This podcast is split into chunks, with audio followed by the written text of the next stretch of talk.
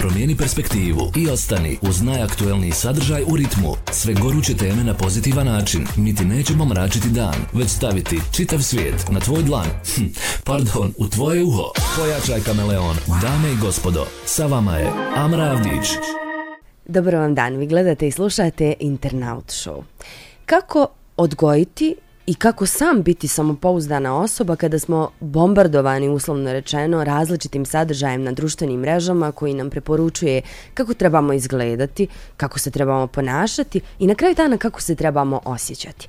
Otvorit ćemo tu temu, imam sjajnu sagovornicu u studiju, je gospođa Alma Tihić, ona je magistrica društvenih nauka iz područja psihologije i akreditovani geštalt psihoterapeut u Evropskoj asocijaciji za geštalt psihoterapiju.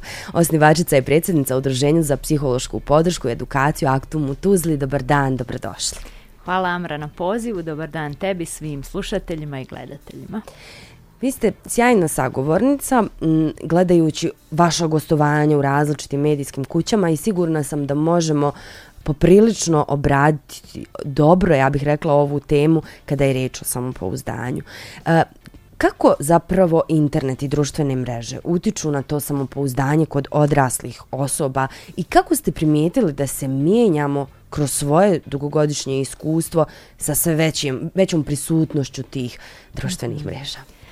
Dobro, pa evo ako pričamo o samopouzdanju, mi u stvari govorimo o toj slici koju imamo o sebi, odnosno govorimo i o dojmu koji ostavljamo u našoj okolini.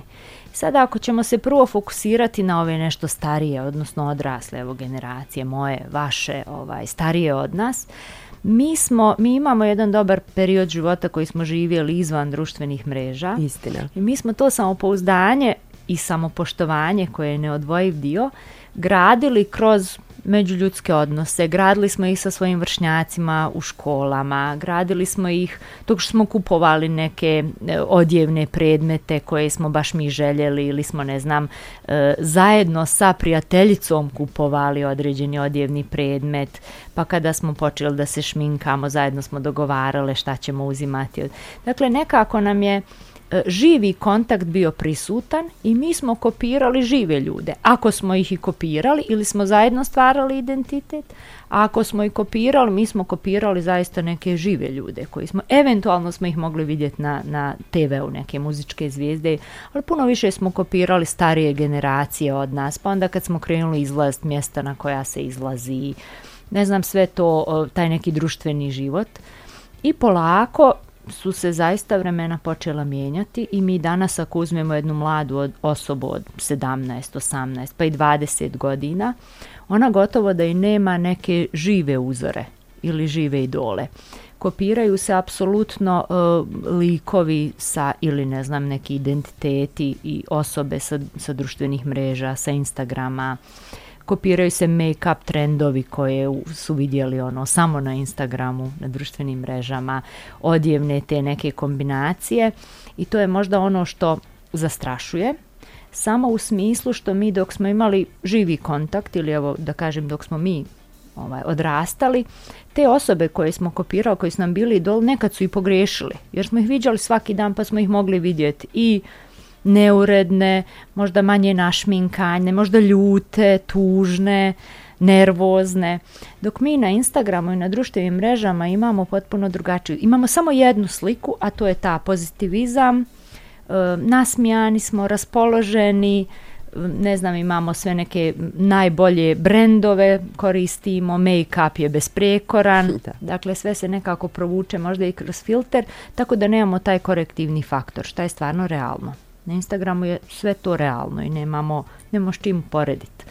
Ovaj, I možda je to ne, najveći problem i najveća z, neću zabluda možda i za mlade ljude jer misle da je to jedino normalno, da jedino to postoji. A u stvari to nije potpuno realno.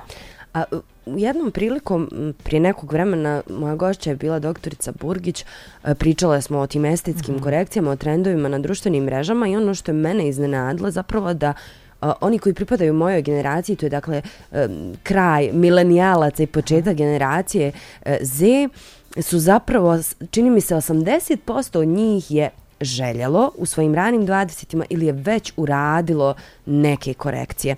Kako napraviti otklon od toga? Kako razaznati šta je stvarna potreba, a šta je ono kada smo upali u zamku tih društvenih mreža i postali na neki način robovi toga? Priča o tome šta je naš stvarni motiv da uradimo neku estetsku korekciju je zaista duboka. E, vjerujte, i ako na psihoterapiju dođu osobe koje su radile određene korekcije ili žele da urade pa su došli evo da pričamo na tu temu, mi jako teško ćemo doći do, do, do stvarne potrebe, do, do srži, da kažemo, ovaj, stvarne potrebe za promjenom. Nažalost, i to je najčešće kopiranje nekoga ili nečega ili prosto prilagođavanje većine. Jer imamo recimo društvo od evo, djevojaka, 5-6, njih pet je uradilo određenu korekciju estetsku ili bilo koji trend da se prati i ona kao šesta prosto može razviti ili osjećaj manje vrijednosti ili e, nepotpunog uklapanja u svoje okruženje i onda jedan taj obrazac ide po, i najčešće to ide po tom, o, e, po tom sistemu kopiranja, da se, nažalost, da se na taj način uklopimo. Verujte, kada bi mi tražili stvarne motive, one duboke, da li je to stvarno nedo, nedostatak samopouzdanja, da li je to stvarno nezadovoljstvo fizičkim izgledom, jer, e, Bože, ne možemo, mi imamo jedan trend i zavlada jedan trend, mm -hmm. tipa korekcije usana, nemoguće da baš svakoj djevojci treba iskorigovati usne. Dakle, mi, uh, dostupno nam je trenutno evo, u našem okruženju možda najjednostavnije iskorigovati taj dio, pa onda svi to koriguju. Ovaj, iako nemamo svi stvarnu potrebu, nemoguće je da svi imamo, ovaj, da nam baš to fali. Tako da je taj obrazac kopiranja, prilagođavanja, uklapanja, to je trend, priča se o tome, novac smo potrošili na to, skupljamo novac za to, nekako ovaj mislim da se mlade osobe ukoliko ne prate taj trend koji zavlada prosto imaju taj osjećaj manje vrijednosti pa i društvo ih samo često izoluje. A o, stvarni neki duboki motivi da naravno da postoje da o, oni um, žel, evo imaju neke nesigurnosti po pitanju fizičkog izgleda pa misle ako to iskoriguju najčešće iza toga jest nedostatak samopouzdanja i neprihvatanje odnosno nedostatak te samoljubavi samopoštovanja, neprihvatanje sebe u vlastitom tijelu, a iza toga najčešće stoji neprihvatanje nekog dijela života ili mhm. neprihvatanje neki, nekog odnosa ili neprihvatanje nekih porodičnih disfunkcionalnosti i onda se to odražava kao da mi fizički ne prihvatamo sebe i radimo određene korekcije. Iako u pozadini u stvari ništa se ne iskoriguje. Jasno. E, da ostanemo još malo u ovim nekim našim mhm. generacijama mm -hmm. e, i onda ljudi često komentarišu kako smo se otuđili jedni od drugih, kako smo e, konstantno na telefonima, kako više nema te neke realne komunikacije, pogotovo ako recimo pričamo o prilascima muškaraca, ženama ili obrnuto. Kako vi kroz svoje E, iskustvo i rad sa klijentima, odnosno klijenticama. E, kako vidite, da li primijetite da je znatan porast te nekakve društvene anksioznosti kada je riječ o interakciji? Kako se to manifestuje u ovom dobu kojeg živimo? Da, porast to mi zovemo socijalna anksioznost, odnosno dobro ste rekli društvena, ta, ta malo izolovanost, otuđenost, socijalna anksioznost, e, sve više jeste prisutna i mi, i, e, pazite, mi moramo malo da, da stavimo fokus i na prihvatanje tog novog normalnog. Mm -hmm. Ja sam recimo dugo, evo kako, sam ra kako radim sa starim generacijama i novim, negdje i sama još uvijek e, ne mogu da, da prebacim se u potpuno novi film koji nam kaže da se najčešće partnerski odnosi kod mladih ljudi dešavaju, ostvaruju putem društvenih mreža. Da. Dakle, ja sam dugo e, nekako istraživa, istražujem to polje kad pričam s ljudima i onda pokušavam da ima gdje je taj stvarni, zašto se to nije desilo i onda oni mene znaju, ovi mladi čudno da gledaju i da kažu pa dobro mi se nismo uživo vidjeli ono ili ne znam, nije ni bilo mogućnost da se vidimo pa mi imamo samo Instagram. Da negdje i meni trebalo vremena da prihvatim u stvar da je to novo normalno, koliko god se to nama sviđalo ili ne. E, ova djeca i ova omladna i nemaju percepciju nečeg drugog, dakle mi zaista imamo pojedince koji samo ovaj funkcionišu unutar društvenih mreža i tu su ostali. Mi imamo dosta veza na, na daljinu, Mm -hmm. gdje su partneri u Americi, u Australiji, nikad se nisu vidjeli. Jasne. Ali oni zaista, to je, to je ljubav, to su stvarne emocije, zaljubljenosti, pripadanja o, i mi ne možemo poreći da se razviju emocije. A sada da vidimo kako i na osnovu čega bez tog fizičkog kontakta jeste malo čudno ali ovaj zaista ove nove generacije ne znaju za nešto drugo. Ali dakle potvrđujete da je to moguće? Pa o, iz ovog što čemu ja svjedočim, meni ti ljudi zaista, mi, mi pričamo puno o tome, mi mm -hmm. ulazimo u dubinu tih osjećaja, da li je to što su oni stvarno zaljubljeni, šta se tu događa, uh, ali imamo ljude koji su prvi put osjetili emocije pripadanja drugom i osjećali, osjetili zaljubljenost prema osobi koja uopšte im nije fizički blizu. Jasno. Da, mislim da trebamo biti otvoreni da, da razumijemo neke nove stvari, pogotovo zato što nam dolaze sve brže te nove generacije koje nas možda i uče nekim dobrim i pozitivnim stvarima. Međutim, evo, e, osvrnuli smo se na taj partnerski, recimo, odnos i kako to izgleda u ovom vremenu. Međutim, kako se to odražava na poslovni, profesionalni, naći ćemo se u situacijama kada moramo nešto da prezentujemo, kada moramo da prodamo svoj proizvod I onda tu imamo opet taj neki osjećaj jer nismo navikli, navikli smo samo funkcionisati unutar društvenih mreža. Kako pomažete recimo vašim pacijentima, odnosno pacijenticama da se suoče? Naravno ne očekujem da mi apsolutno čitav proces predstavite, ali možda neko može ovo biti trigger mhm. m, da se zapita da, i, i pomisli kako da sebi pomogne. Vidite, dobro je da ste spomenuli posao jer negdje ovaj i to jeste možda područje koje nas najviše izabrinjava, jeste izolovanost koja je nastala uslijed e, obavljanja posla od, ku, od kuće ili sve više poslova se prebacuje u ne znam taj virtuelni svijet. Dakle, osnovna definicija mentalnog zdravlja je čovjek da bi bio mentalno zdrav, on mora da može da voli, da radi i da se socijalno povezuje. Ako mi isključimo komponentu socijalnog povezivanja, socijalno povezivanje znači živi kontakt, dakle ne socijalno povezivanje, da i to u dru, na društvenim mrežama, ali živi kontakt, to mm -hmm. je mhm. socijalizacija, i oduzmemo sada i tu komponentu rada, odnosno mi radimo, ali mi radimo u trenerci, mi do podne radimo s tog mjesta, onda podne tu malo legnemo, onda tu malo ručamo, onda u tom smislu je, je produbljena ta izolacija i u tom smislu možda najviše nastaje problema među ljudima s kojim ja radim ovaj i te anksioznosti i osjećaja manje vrijednosti i e, e tog doprinosa jer šta mi poslom postižemo? Mi odlazimo na posao dajemo neki doprinos, dakle osjećamo se korisnim, to je jako važ, važna uh, potreba, odnosno važan osjećaj, taj osjećaj korisnosti i neko nam, na osnovu toga zaradimo određeni novac. Dakle, to je jedan fini, zatvoreni krug i čovjek je stvarno funkcionalan ako fino tako taj krug.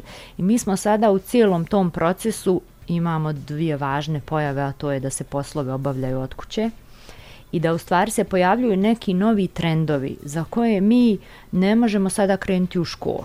Ja evo mhm. gledam, ja imam biznis, imam neku svoju privatnu praksu i prvenstveno je ona, da kažem, plasirana na društvenim mrežama, na, mislim, gdje se, ja sam morala ili neke kurseve, ili angažujemo ljude, ili dakle, to je jedan potpuno novi segment posla na moj posao. Da. Ja imam svoj posao i to fino ide i onda odjednom mi imamo sada, jer ako ne postojimo, na društvenim mrežama i naš biznis ako nije predstavljen tamo na, nas i nema mislim tog našeg biznisa gotovo da i nema. I veliki su izazovi za nas koji smo da kažemo ono transgeneracijski negdje i tamo u onom vremenu i ovom novom ali za, za nove generacije njima je čak i neobično da idu na posao, da imaju radno vrijeme, da imaju dakle živete neke autoritete, da imaju kolege, da to je ono što je opasno i ja recimo ovaj gdje god su firme dale mogućnost sada ovo post covid vrijeme i što se dešavalo gdje god su im dali mogućnost da ostanu kod kuće ili da idu na posao dakle uvijek je uvijek stimulišem, uvijek potičem klijente da se ide na posao, da se ovaj osjećako, da se ujutru ustanemo, spremimo, dakle uložimo određeni napor da dođemo do radnog mjesta, tamo radimo, sretnemo ljude, razgovaramo, socijaliziramo se. Jer ako taj segment nam nestane, mi ćemo stvarno biti prilično ugroženi ovaj, u tom smislu socijalizacije i povezivanja i bojim se šta bi se moglo desiti. Ovaj, jer je to, mi bez toga ne možemo. Mi nismo biljke i mi nismo, dakle mi bez živog kontakta ne možemo. Tako da evo negdje ono i prvi apel za sve zaposlene koliko god da možete odraditi. Pa čak ako imate potrebu, evo da kažem da plasirate na, na, na internetu neku svoju reklamu ili nešto, dogovor koji obavljate oko izvršenja tog posla neka bude uživo. Dakle, da popijemo kafu ili da se nađemo u nekom tom poslovnom okruženju i da razmijenimo ideje. Što više živo kontakta, to će nas više održati živim i funkcionalnim i mentalno zdravim. Mm, mislim da je jako važno ovo što ste kazali. Mm. Um, e sad, s druge strane, dolazimo do momenta da ukoliko ne radimo na stvarima koje nas tište i muče, onda m, pitanje je kako ćemo uticati na one koji nas možda najviše trebaju i u ovom slučaju mislim na djecu. Prosto su nevjerovatni trendovi i ja nisam sigurna, pogotovo zato što ja nisam roditelj, pa se nikada ne bi usudila ni u našem razgovoru da nešto sugerišemo i preporučujemo, mm -hmm. savjetujemo, ne daj Bože. Ali kako danas biti roditelj i odgoj, pokušati odgojiti jednu samouvjerenu, staloženu, čvrstu mladu osobu? Mm -hmm. Uh, roditeljstvo je posebno, da kažem, ono, izazov za roditelje je veliki. E sada, gdje, kako naći taj balans, ka, kako poslagati stvari? Roditelj uvijek ide iz perspektive da odgoji jedno uh, uh funkcionalno, da kažem, poslušno, stabilno, samouvjereno dijete i mi u tom kućnom okruženju uh, sa svojim djetetom radimo najbolje što možemo. Dakle, učimo ga neke fine navike, zajedno ručamo, učimo ga da iza sebe, ne znam, skloni stvari, da nas ujutru pozdravi sa dobro jutro, da e, ne bude previše na internetu, evo damo, odvojimo neko, napravimo fini raspored, pa imamo vrijeme za slobodne aktivnosti, vrijeme za porodicu i e, to su, i, tako to treba da funkcioniše i mi zaista možemo imati jedno fino, fino odgojeno i funkcionalno dijete, a onda ga pustimo u vanjski svijet. Dakle, ovaj, a u vanjskom svijetu su neka druga pravila. Dakle, tamo imamo, ne, ne generaliziramo stvari, ali stvarno je teško pustiti nas dijete u školu gdje se odredi, pustimo ga u društvo, u, u međuvršnjake, pa na kraju krajeva na ulicu i tamo su izazovi ogromni. Dakle, mi moramo dijete naučit da bude malo, ja to volim onako žargonski reći, malo da bude žilavo, malo da ne bude ono prezaštićeno, uh, prerigidno, lijep odgoj i dobro dijete je, dakle, imperativ svega, ali mi moramo naučiti djecu da budu malo, e, e, da znaju malo postaviti granice, da znaju potražiti pomoć kada im je potrebna, da znaju kome se sve mogu obratiti, da to nisu samo roditelji, da mi tu imamo, imamo i vršnjake neke, dakle nisu nam ni svi drugovi na istom mjestu, mi uvijek imamo i u, u, u društvu jednu osobu kojoj smo možda malo više naklonjeni nego drugima. I, i najveći izazov roditeljstva jeste u, u stvari napraviti taj balans između onog finog kućnog odgoja i dobrog djeteta koje u temelju treba da bude takvo i djeteta koje je adaptivno, fleksibilno, sa jasnim stavovima i granicama vani. E, čak i ako roditelj to ne uspiju, a sigurno da ne postoji idealno roditeljstvo i svi odgajamo svoje dijete sa, sa onim što imamo i ja volim reći i bolje od toga, sa svim onim što, što imamo i više od toga zato što znamo koliko čitamo, koliko se edukujemo, koliko želimo još više napraviti. Ali ovaj ima taj jedan dio odgoja koji će se desiti u vanjskom svijetu. E, da, da nekad to kažemo pokvarće se malo dijete u školi ili ćemo ga mi negdje ovaj prosto navikavati da izvan naše kuće, izvan porodice postoje neki drugi krugovi ljudi koji nisu možda uvijek tako topli, blagonakloni, ali da s toga ne treba plašiti, da mi prosto imamo kapacitete s tim da se nosimo koliko god da smo mladi, da smo djeca i ne zastrašiva djecu, nego ih post, prosto puštati u taj vanjski svijet da malo ga osjete, da malo dožive, ožive i uvijek grati to povjerenje da oni kada se vrate nazad, nama da, da mogu da podijele s nama što god da su doživjeli, kakvu god temu da žele pričati. Razgovarala sam sa prijateljicama i onda sam došla do jednog do jedne spoznaje koja je za mene bila uh, ni, ne mogu reći da me zaprepastila, mm -hmm ali prosto mislim da recimo roditelji moje generacije su manifestovali ljubav na najbolji način onako kako su oni znali, ali se to e, više negdje ogledalo u dijelima, u materijalnim stvarima koje su nam pružane, a dosta manje u onom lijep si, lijepa si, pametan si, pametna si.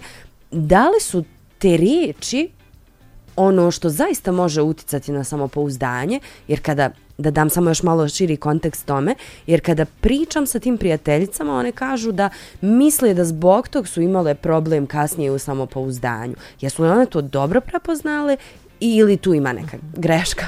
ja moram reći da ovaj današnji roditelji, dakle ove mlađe generacije, e, dosta pozitivnih tu stvari ima. Dakle, današnji roditelji su jako puno počeli stavljati fokusa na emocije koliko god da je to došlo iz straha, vjerovatno jeste iz straha i zbog svega što se događa, ali danas roditelji puno ljepše i puno više znaju pričati s djetetom. Kako se osjećaš, kako si ti u povodu toga, desilo se to, šta mogu ja urad za tebe. Dakle, neke, neka pitanja i neke stvari koje mi ne znam koliko smo mogli čuti od naših roditelja, Eh, ne mislim da smo zbog toga ostali defektni, ali evo kažem negdje ja, vi ili ne znam ove neke generacije kao da malo tek stariji smo počeli da učimo da izražavamo kako se osjećamo i to stvarno danas nije fraza neka ono kako si, kako ti je bilo u školi, kako se osjećaš, nego zaista roditelji sjednu i dubinski žele čuti kako se to dijete osjeća, šta si doživjela, ko te iznervirao, koliko je to trajalo.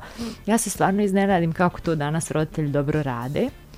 I imamo još jedan fenomen, imamo puno prisutnije očeve u mhm. odgoju djeteta. Mi ako uzmemo ove neke naše generacije, ne kažem naši očevi su isto bili ovaj prisutni na neki svoj način, bili su funkcionalni, ali možemo reći da kod starih ono očevi su malo e, emocionalno hladni ili nisu to, majke su bile taj neki temelj za razvoj emocija, topline, samopouzdanja.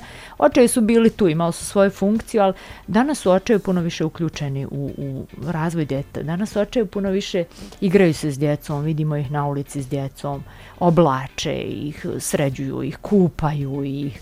Dakle, ovaj, očevi su stvarno gotovo potpuno ravnopravno sa majkom zauzeli ovaj tu E, tu ulogu i moram primijetiti da se djeca i e, počeli su se generacije ove nove malo se više i otvaramo očevima, malo, malo više se ne, djeca se malo više pričaju s očevima i očevi su nekako naučili kako provesti vrijeme e, s djecom imamo često primjere da i otputuju negdje sami s djecom, da preuzeli su potpuno recimo brigu oko odvode ih u vrtić, vraćaju, spremaju. Dakle, ovaj, i to je jedan pozitivan ovaj fenomen i nekako bih voljela da potaknem da, da, da to nastavi. Sve to doprinosi razvoju samopouzdanja. Dakle, najprije ta ljubav, utopljenost, pripadanje i sigurnost je, je ambijent u kojem ćemo se mi osjećati lijepo, prvo sigurno, a za samopouzdanje je to bitno koliko nas potiču da je ok.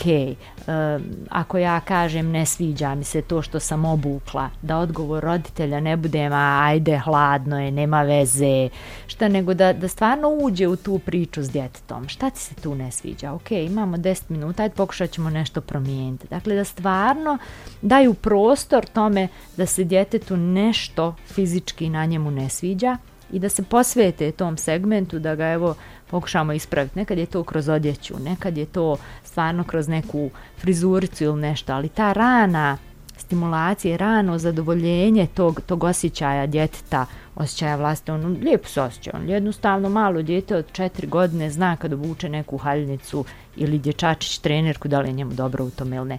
I roditelj to ne smije zanemariti. Dakle, ako dijete kaže ne sviđa, usko mi, iako je njemu četiri godine ili ajmo malo ući u tu priču pa pokušati nešto promijeniti. Pa da, ne žurimo.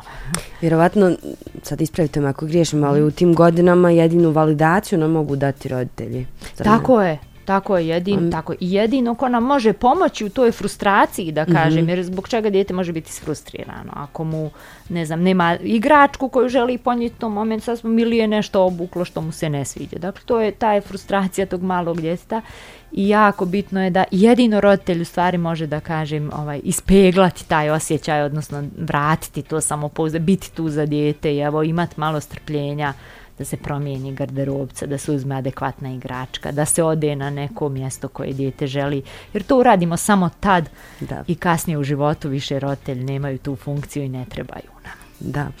E, živimo u Bosni i Hercegovini i moramo biti svjesni situacije i financijske i bilo koje druge koja nas okružuje, koja je dio naše svakodnevnice. E, želim da prokomentarišemo, neću ga nazvati trendom, ali jednu, jednu pojavu i situaciju koja je privukla jako mnogo pažnje sa različitih frontova e, ako izolujemo roditelje, koje, a želim da vjerujem da je to apsolutno mali postotak takvih koji žele i sami sebe negdje valdirati kroz kupovinu nekih skupih stvari djeci za koju vjerujem da to nije potrebno. E, dakle, pojavilo se u jednom trenutku to skupo piće e, i, i neki skupi čips i onda su djeca međusobno um, određena to kupovala, odnosno roditelji su im kupovali pa su prodavali svojim drugovima, pa se tu opet pravila nekakva, da ne kažem klasna podjela. E sad, za one roditelje koji možda mogu ili ne mogu priuštiti svojoj djeci tako nešto, a padaju u onu zamku osjećaja da, koji često činim se da imaju roditelji, na način, pa ne želim da je moje dijete mimo ostale djece, Kako se izboriti sa takvim pojavama koje nam periodično dolaze i kako pristupiti djeci i objasniti im da to nije nešto što im je neophodno? Da evo nekako smo se posljednje vrijeme fokusirali na tu priču, o, ovaj, to o čemu govorite. I tu možemo posmatrati s više aspekata stvari. Prvo, ovo nije izolovan slučaj, nije prvi put da se nešto ovako događa. Tako Vi ćete se sjetiti, ili evo ja ću se sjetiti u moje vrijeme, pa pojavile se uh, leviske, pa pojavile se neke naočale, pa pojavile se... I dakle, mi svi kao djeca mogli smo to imati ili ne, individualno su roditelji odlučivali, ovaj, evo sad da me pitate, ovaj, jesam li imala, jesam, a na osnovu čega su mi roditelji to kupili, da li su odlučili samo, ja i ne znam čime su se vodili i koji roditelji su tad nama mogli kupiti, ta, sad je to skupo piće, prije su to bile skupe farmerke mm -hmm. ili mhm. neka torba ili prosto je bio ni ovo izolovan slučaj, to, to se događa s vremena na vrijeme. E, m, najteže je tu dati roditeljima bilo kakav savjet ili bilo kakvu smjernicu. Znači svaki roditelj zna s čim odgaja svoje dijete. Roditelj i bez ovog trenda koji je medijski sada prisutan i svima nama vidljiv, imamo određenu grupu roditelja koji su uvijek pratili trendove, svojoj djeci kupovali najskuplje stvari i ta djeca su bila možda e, malo drugačija po nekim stvarima od ostale djece. Da li je to na njih pozitivno ili negativno uticalo, to, to ne možemo da znamo jer to, mislim, svako ima svoj vlastiti doživljaj. Dakle, roditelji koji su skloni, koji, koji, koji se tako ponašaju i bez ovog skupog pića, on će svom djetetu i dalje nastaviti i priuštiti neke skupe stvari. Imamo roditelji koji uopšte ne kontrolišu u što njihovo djete troši novac. Dakle, to djete jednostavno može imati taj novac taj dan, raspolagati s njim kako god želi i kupi sebi to skupo piće ili kupi bilo šta drugo, roditelji ne kontrolišu taj dio. Imamo visoko kontrolirajuće roditelje koji jako vole voditi računa o tome šta i koliko djete jede i pije, gdje se kreće. Dakle, ovaj ti roditelj će sigurno i u ovoj situaciji iskontrolisat ovaj i i da kažem neće dozvoliti djetetu da da ne znam ovaj kupi piće koje smatraju da je štetno za dijete ili koje je preskupo. A s druge strane imamo dječju radoznalost, imamo dječije taj osjećaj važan sam ako je još sam važniji ako krišom nešto uradim. Nažalost, je u ljudskoj prirodi, u dječjoj prirodi. Ovaj, tako da će određena djeca doći do toga koliko god roditelji željeli, željeli kontrolisati situaciju ili ne, dijete će, evo, sva što smo čuli, kupe jedni od drugih, daju posljednji novac za to. E, jako je nezgodno da mi, da mi e, komentarišemo o tome samo na ovoj razini. Jasno. Jer neko je e, vršio i kontrolu tog pića, nekoga je odobrio, ne znam, u slobodnu prodaju. Dakle, mi ne možemo osporiti da se to našlo na, na policama, da je tu, dakle, ne, neko je valjda vršio kontrolu i, i na kraju kad je to došlo na tržište, ovaj, evo to je jedan, jedan trend, jedna vijest koju smo svi propratili. Ali gotovo na mjesečnoj razini mi imamo recimo ne, nešto čemu ja se u jednoj školi se desi određeni trend, bile su elektronske cigarete, pa su djevojčice četvrti osnovne kupe jednu tu cigaretu, pa u krug su je konzumirali, pa su se razbolili svi od istog virusa. Pa, dakle, mi stalno imamo tu neku pojavu nekog trenda koju E, roditelj, zadatak roditelja jeste da bude korektivni faktor i da kontroliše svoje dijete. Zadatak škole je da, da kontroliše, da bude korektivni faktor, da se nadgledaju djeca i kontrolišu, ali su nam mehanizmi za, za kontrolu cijelog sistema, jer u ovo je uključen ipak cijeli sistem i, i oni koji su kontrolisali sve to i našlo se na tržištu, mi to ne možemo osporiti. Nisu samo djeca konzumenti tog pića. Jasno, ali sam i uzela ovaj, kao nešto da, što mi razumijem. je prosto Ali e, šta ako se nađemo, evo, mislim, to sam iskoristila kao nekakav primjer Mhm. zato što i, i sam nutricionističke strane je potvrđeno da je štetno za Tako djecu. je. Ali evo da, da totalno se odmaknemo od toga. Šta kada dođemo u situaciju kao roditelj da naše dijete od nas traži nešto za što mi smatramo da mu nije potrebno, a ono se brani i traži to argumentom, ali svi ostali imaju. E zapravo je to nekakav moj motiv za ovo pitanje, pa bi voljela ako možemo, evo ne savjet, ali nekakvu vašu stručnu preporuku. Ja, mi moramo, ovaj, moramo sjest s djetetom popričat šta, šta to dijete želi ovaj, i iz koje potrebe želi. Dakle, i zadatak roditelja je da objasni djetetu zašto misli da to nije dobro. Dakle, mi ovaj, i bez, bez, bez ikakvog ustručavanja da argumentovano objasnimo djetetu zašto mislimo da to za dijete nije dobro. S druge strane, dijete ima argument, svi su, samo sam ja ostao bez toga. Istina. Što opet moramo malo posmatrati koliko ćemo onda djetetu stvoriti osjećaj manje vrijednosti. E, U praksi se događa da djeca budu izolovana od strane društva zato što to dijete neće krišom ili uklopiti se u tu grupu i otići, ne znam, tako konzumirat nešto ili i dijete je jadno boreći se protiv toga da ne budem izolovan. Zato je bitno koliko osjećaj, koliko roditelj i porodica stvore osjećaj da to dijete je voljeno, zaštićeno, da uvijek u roditeljima, u porodici ima podršku, pa koliko god da ga društvo izoluje, što god da se događa, da to dijete ima gdje doći i požaliti se ovaj roditelj. Tako da mi ne može, mi, mi, mi dijete u cijelosti odgajamo od njegovog rođenja, pa i, i kada se ne- pojavi tako nešto, mi ne možemo njega iskorigovati u tom momentu, ali samim tim što će dijete doći otvoreno reći roditelju, ja to želim kupiti, to svi kupiti. Znači mi imamo masu roditelja kojim to dijete neće ni reći, nego će to odraditi krišom.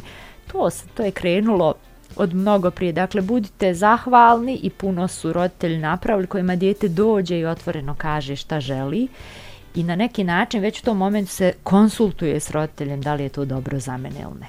Roditelj ima prostor da mu objasni zašto to nije dobro za njega, za to dijete i negdje ovaj možda evo da kažem neke represivne mjere da ukoliko to kupi ili nešto da bi mogla uslijediti neka kazna, znači dobijemo prostor da komuniciramo na tu temu.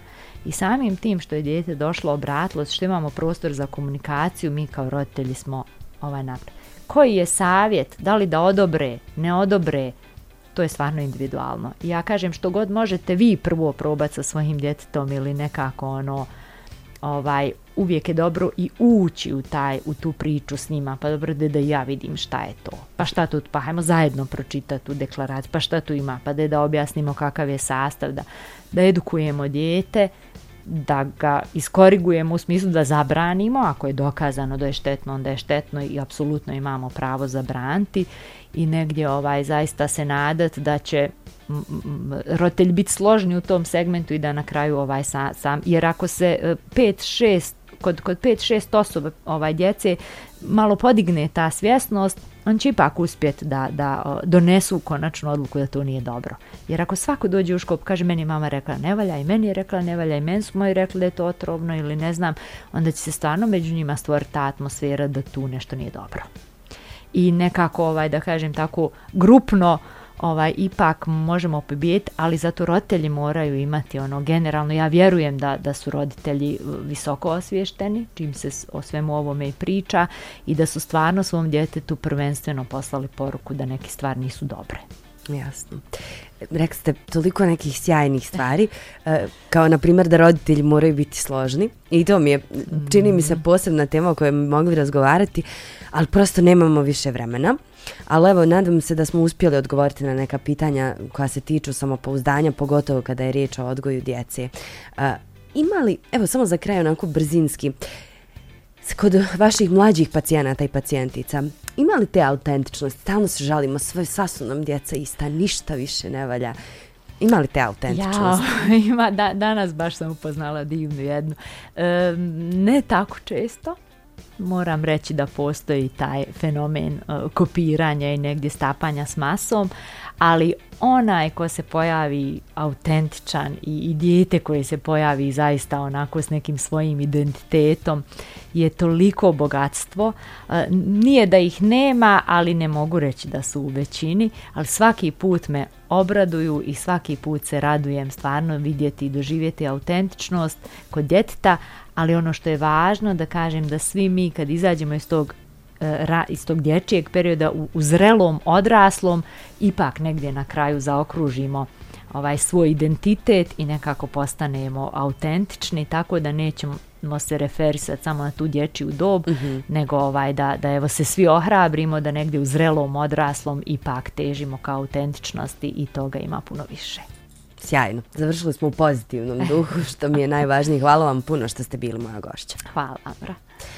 Hvala i vama što ste bili uz nas. Nadamo se da smo dali neke dobre odgovore, da ćete biti zadovoljni tim i da ćete sami sebe negde potaći pa i na tu autentičnost, a i pronaći ohrabrenje za ova izazovna vremena, ali u kojima se ipak može pa i sa najmlađima. Ostanite uz Kameleon. Promijeni perspektivu i ostani uz najaktuelniji sadržaj u ritmu. Sve goruće teme na pozitivan način. Mi ti nećemo mračiti dan, već staviti čitav svijet na tvoj dlan. Hm, pardon, u tvoje uho. Pojačaj kameleon. Dame i gospodo, sa vama je Amra Avdić.